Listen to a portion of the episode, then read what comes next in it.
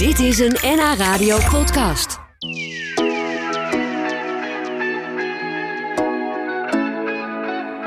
We kennen Jona Freud van haar kookboeken en ook van haar kookboekenwinkel in Amsterdam. Maar die heeft ze onlangs verkocht. En nu is er dus tijd voor andere dingen.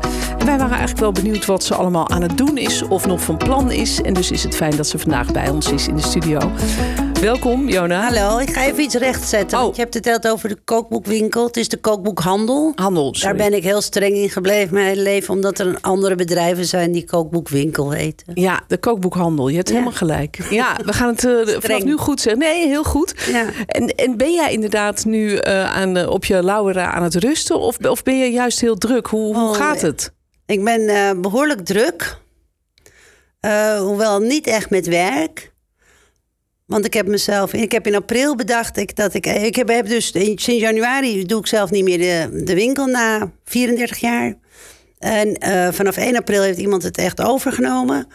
Ehm, en ik bedacht eind april eh, dat ik nog de hele tijd die pressure voelde van ik moet wat, ik moet wat. En toen heb ik bedacht ik ga pas in september weer echt wat doen. Oh, goed idee. Maar ik ben nu heel druk met eh, het verven van mijn schip waar ik op woon. Eh, met wandelen met de hond. Met eh, het verbouwen van het huis van mijn dochter. Eh, met, weet ik veel. Ik ben de hele dag bezig. Je hebt ook helemaal geen tijd meer om te werken eigenlijk. Nee, ik ben wel natuurlijk nog altijd jurylid van de Johannes van Damprijs. En voorzitter van de Stichting Gastronomische Bibliotheek. Dat zijn ook allemaal dingen die doorgaan. Ja. En ik ben dus bezig met een boek. Maar gelukkig hebben ze dat een jaartje uitgesteld. Ja, oh, gelukkig inderdaad. Ja, want je, je was een tijdje geleden nog bij ons met je laatste kookboek Memmish. Ja. En, wat wordt dat volgende boek eigenlijk voor boek? Of, of mag je dat niet zeggen? Boek vreemd genoeg uitgegeven door een eh, Vlaamse uitgeverij. Die mij heeft gevraagd om een boek te maken over de honderd kookboeken die van invloed zijn geweest op de, eh, hetgeen wij eten in Nederland. Oh, En dat, eh, maar dat zijn dus honderd kookboeken helemaal vanaf het begin tot nu. Dus dat is, ik geloof, de eerste 1524, 1527 tot nu. oh, wat leuk.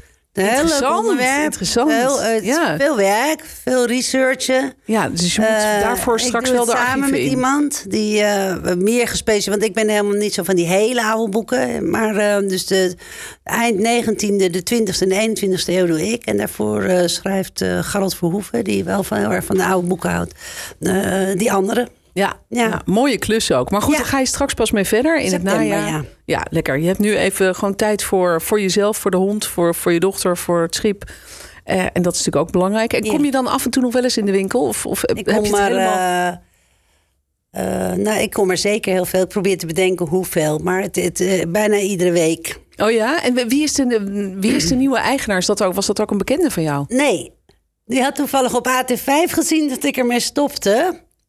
En eh, die heeft mij toen een mailtje gestuurd en eh, gevraagd of hij met mij af kon spreken, omdat dat was wat hij wilde. Oh, echt? Wat grappig. Het is een, eh, ja, een jongere jongen. Het is wel leuk dat het een man is, vind ik. Hij is eh 35, meen ik. Hij heet Daan van Koten. Hij heeft de winkel veranderd. Maar hij is toch hetzelfde gebleven, die winkel. Dat vind ik zo grappig. Als je binnenkomt, dat er een hele andere sfeer is... terwijl het natuurlijk dezelfde ruimte is. Ja, maar wat doet hij anders bijvoorbeeld? Hij is eh, v- veel meer de nadruk aan het leggen op de, eh, ook de Engelstalige boeken. Hij is in tegenstelling tot mij heel sterk op sociale media. Kijk. Want ik vind dat eh, helemaal niet fijn, de sociale media. Dus ik heb dat altijd een beetje zo eh, eh, achteraf er ook nog iets erbij Ja, gedaan. Maar hij is, daar heel, hij is daar heel, heel erg goed in. En ontzettend leuk eh, op eh, Instagram. Eh, zet die filmpjes. Hij kookt uit de boeken. Hij laat je boeken van binnen zien en alles.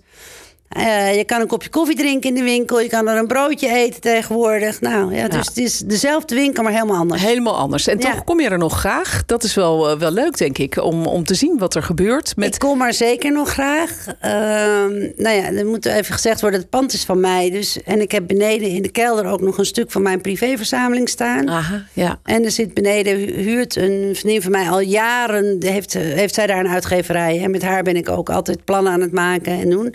En met Daan, ik heb tegen Daan gezegd dat zolang als hij mij nodig heeft, ik op de achtergrond aanwezig ben. Ja, nou, dat is voor hem ook wel een fijne gedachte, denk Ja. ik. Ja, want je hebt veel ervaring. Je hebt er meer dan 30 jaar heb je die winkel gerund. Ja. Hoe, hoe kwam het eigenlijk dat jij hem overnam? Want je, daarvoor zat Johannes van Dam, had hem toch? Maar dan eh, in de Runstraat. De winkel is ooit begonnen door Titia Bordon in 1977. En daar ben ik gaan werken. Toen was ik een meisje van 15. En ik heb eh, vijf jaar voor haar gewerkt. En toen is zij er weer mee gestopt. En toen heeft Johannes de winkel overgenomen. En ik heb Johannes ooit ingewerkt in de winkel. Ah, zo was dat. Toen was het nog dus van Titia Bordon. En vervolgens is... en hoe Jo- was dat om Johannes van Dam in te ja, werken? Johannes was toen natuurlijk nog best wel een beetje een schuchter mannetje. Die was toen ook nog niet zo oud. Dat is later wel veranderd. Ja, Ehm, en toen in de jaren dat de winkel van Johannes was, ben ik er niet geweest. Nee. En ik heb de, toevallig gehoord ik op een gegeven moment eh, dat iemand zeggen, na vijf, zes jaar later, dat eh, Johannes van zijn winkel af wilde. En ik was net moeder, net twee maanden was ik moeder. En ik heb gedacht, eh, dat is het misschien wel. ja, en dat was het ook, blijkbaar. Dat was het ook, ja. Ja, maar heb je toen nog wel met hem een tijdje weer samengewerkt? Of was het gelijk ook weer... Ik heb volgens mij op mijn verjaardag, dus het is echt precies vorige week, 34 jaar geleden, heb ik gehoord dat hij ervan af wilde. Eh, en dat, dus dat was in juli. En toen hebben we de maand eh, van half september tot 1 november hebben we samen gewerkt. Ja, daar, als ik daar nu aan ga denken, krijg ik bijna een slappe lach. en dan 1 november, eh, toen heb ik het overgenomen toen. ja, maar, maar hoezo krijg je de slag Nou, van dat, je, Hoe was dat, dat we winkeltje in de Rundstad, ik weet niet of mensen, ja, sommige mensen zullen het zich herinneren. Ja, dat winkeltje ken ik Het nog. is ja. een heel, Ja. was een heel klein winkeltje. Heel klein, en Johannes ja. ja. was een aanwezige man. Ja, hij was best wel stevig ook. Dus Ja. hebben daar zes weken met z'n tweeën rondgelopen, ja. En hij heeft me verteld over hoe hij dat deed. Maar hij, eh, ja, ik, hij denk, het was bijna een failliete winkel toen, hè. Ja, ja. Hij was niet zo goed in het boeken verkopen. Nee, hij was geen zakenman. Hij, hij was, echt van het totaal geen zakenman. Nee. Nee. Jij, jij hebt dat gelukkig wat meer in je. Ja. Naast het, eh, Ja. het koken eh, en het eh, schrijven over koken. Het, het werd wel echt een soort begrip. En uiteindelijk op de Haarlemmerdijk denk ik ook misschien wel een soort ontmoetingsplaats. Waar, waar mensen met liefde voor eten en koken elkaar tegenkwamen, toch? Zou Nou ja, wat ik altijd het leuke vond en vind aan de winkel, aan de kookboekhandel, is dat daar komen niet alleen de culinaire journalisten, die elkaar ook wel op andere plekken zien. Er komen niet alleen de chefs, die elkaar ook wel op andere plekken zien. Maar er komen ook mensen die gewoon thuis aan het koken zijn. En die kunnen elkaar ontmoeten, alle drie die groepen. Ja. En dat vind ik juist zo leuk. eh, dat je. Eh, ja, dat je een beetje uit je comfortzone, maar ja, dat je opeens dan, eh, eh, weet ik veel, iemand die heel graag recepten van Alain Caron kookt, ik noem maar wat, en dan kwam Alain weer de winkel binnen, Ja, weet je, ja. en die hadden dan meteen een gesprek met z'n allen, dus dat is ja, een leuke ontmoetingsplek, zeker. Ja, mooi. Ja. Je hebt het afgesloten, maar je komt er nog wel. Want je hebt er ook nog banden mee. Dus het is niet helemaal uit je leven, zullen we Nee. maar zeggen. Maar je hebt nu wel tijd voor andere dingen. Heerlijke Maar, eh, zaterdagen vrij heb ik voor het eerst lekker, van hè? mijn leven. Nou, dat vind ik echt een genot iedere ja, keer. dat kan ik me goed voorstellen. Ja. nou, we praten zo nog even verder, Jono. Want dan eh, willen we horen over, eh, over jouw andere plannen. Het eh, nieuwe boek dat je gaat schrijven. en de dingen die je, die je daarnaast nog allemaal doet. Ik praat nog even verder met Jona Freud, kookboekenspecialist, schrijver van kookboeken en voormalige of eigenaar van, voor, ja, voormalige eigenaar moet ik zeggen, Ja. van de kookboekhandel in Amsterdam. Begin dit jaar verkocht ze die winkel. Na 34 jaar was dat eigenlijk een moeilijk besluit om, om er toch mee te stoppen. Nou, weet je, ik heb altijd gezegd, ik ga ermee door tot, mijn pensioen, pen- tot ik de pensioengerechtigde leeftijd heb. En het is eh, wel wat eerder geworden. En dat heeft toch, hoe ik het ook wend of keer, te maken met corona. Ik was een van de weinige ondernemers die, die eh, gedwongen sluiting tijdens corona niet zo erg vond. Ja, Want ik voelde voor het eerst in al die jaren inderdaad niet eh, die druk van die, of de druk. Ik heb hem echt 34 jaar met heel veel plezier gedaan, maar ik voelde een soort vrijheid over me komen. En ik zei de hele tijd na corona, ik kom niet meer terug in het gareel. Ja. Het ging me niet meer lukken. Ja. En toen was ik wel eh, de hele tijd daarover aan het praten en aan het twijfelen, aan het doen. En toen zei mijn zoon op een gegeven moment, ach mam, hou er toch mee op. En toen is er een soort knopje omgegaan. Dat was vorig jaar in mei. Toen heb ik gedacht, ik ga het doen. Ik ga gewoon stoppen. ja, Of gewoon. Het is niet gewoon. Het is Nee, je leven. nou, het is je alles. ja. Ik heb er geen dag spijt van gehad. Ik heb ook het helemaal zo afgewikkeld zoals ik het wilde. Ik heb gezegd, ik wil nog één keer die kerstperiode meemaken. Dus daar hebben we... Want we hadden twee jaar niet gehad daarvoor door corona.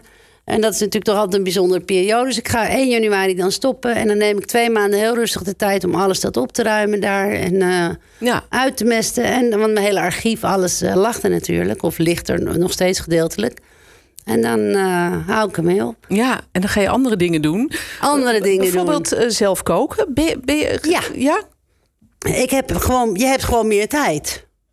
Dus je kan alleen al wat ik al zo fijn vind. Ik ben in wezen zo'n type dat we van, uh, naar de bakker gaat in Amsterdam Zuid en naar de slager in Amsterdam Oost, omdat daar de lekkerste zit. En naar de visboer op de Nieuwmarkt. Weet je, dus ik, Ja. ik uh, kan de hele dag. Ik heb daar nu heel veel tijd voor om de hele tijd uh, rond te fietsen en overal mijn spullen vandaan te halen. En je hebt gewoon meer tijd om te koken. Ja, en, en kook jij dan zelf ook uit kookboeken? Of, of ben je meer gewoon zo'n chef die een beetje ter plekke bedenkt van we gaan het zus en zo doen? Ik doe altijd maar wat, zeggen we dan dan. Ja, nee, ik kook niet. Ik kook geen recepten na. Behalve bakken. Hè. Bakken moet. Want ik, ik, kan niet bakken. Nee, maar bij bakken let het ook heel nauw. Hè? Dan kan het, net schelen als je eh, vijf ja. gram te veel boter hebt, dan is het verpest. Precies. En als ik daar eigenwijs ga doen, gaat er meestal ook echt wat mis. Ja. Maar eh, met, uh, met recepten kook. Ja, ik lees al die kookboeken nog steeds allemaal met heel veel plezier. Ik schrijf natuurlijk ook nog. Toevallig vandaag staat volgens mij mijn kookboekenrecentiepagina in het Parool. Dat doe ik nog steeds ieder kwartaal. Oh ja, dat keer 10, twaalf kookboeken.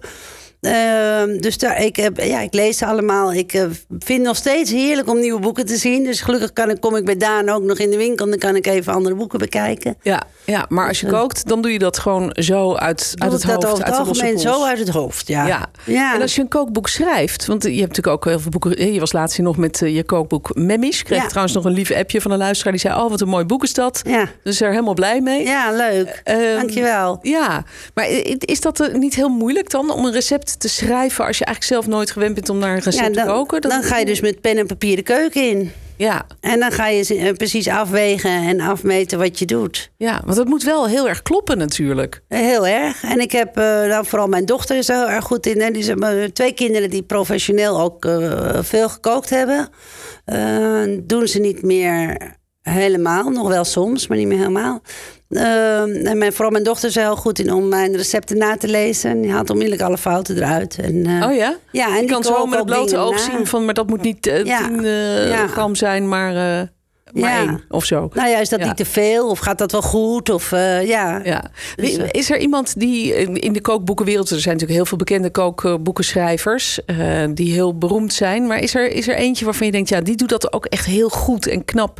Daar klopt het en daar is het aantrekkelijk en dat is voor iedereen leuk. Ik vind het beste voorbeeld natuurlijk in de kookboekenwereld internationaal is Jota Montolenghi. Want dat is ook waardoor hij zo groot is geworden. Een van de belangrijkste redenen is gewoon dat hij zo goed zijn recepten opschrijft. Dat iedereen die ook niks kan Ja. en die recepten gaat volgen, altijd lekker zal eten. Ja, dat is waar inderdaad. Als je het maar volgt. Ja, En eh, dus ik denk dat hij daar het beste in is. ja, Ehm, het is eh, de, kijk, in ieder kookboek staan fouten. Dat is gewoon ja? zo. haal jij die er ook wel eens uit? Oh, je- heel veel. Heel ja, veel. echt? Ja. Nee, dus in ieder kookboek staan fouten. Wat Dus dat, eh, dat blijft. En ehm, eh, dus daar moet je ook eh, je op een gegeven moment bij neerleggen. Je probeert ze natuurlijk eh, er allemaal uit te halen. Ja. Ik, vind dat, ik zeg altijd, je moet redactie, redactie, redactie. Hè. Het zegt alles. Dus Ja. gewoon drie, vier keer zo'n boek laten redigeren. En zelf nog een keer redigeren. Nooit een keer te veel is dat. Er komt altijd weer dingen uit. Maar eh, dus foutloos opschrijven is lastig. Ja, maar over het algemeen heeft hij in elk geval recepten die en kloppen en die goed maakbaar zijn voor amateurs. Precies, precies. eh, die, Ja. die dat gewoon eh, willen proberen. En, en nu, nu ga je dus eh, zelf eerst de komende tijd even een beetje stapje terug. Gewoon lekker even met je eigen dingen bezig zijn. En met de hond en met het schip en, en, maar op. Maar je doet intussen ook nog veel. Want je, je had het over die bibliotheek. Daar was ik wel even nieuwsgierig Ja, naar. dus En, en je wou nog iets zeggen? En?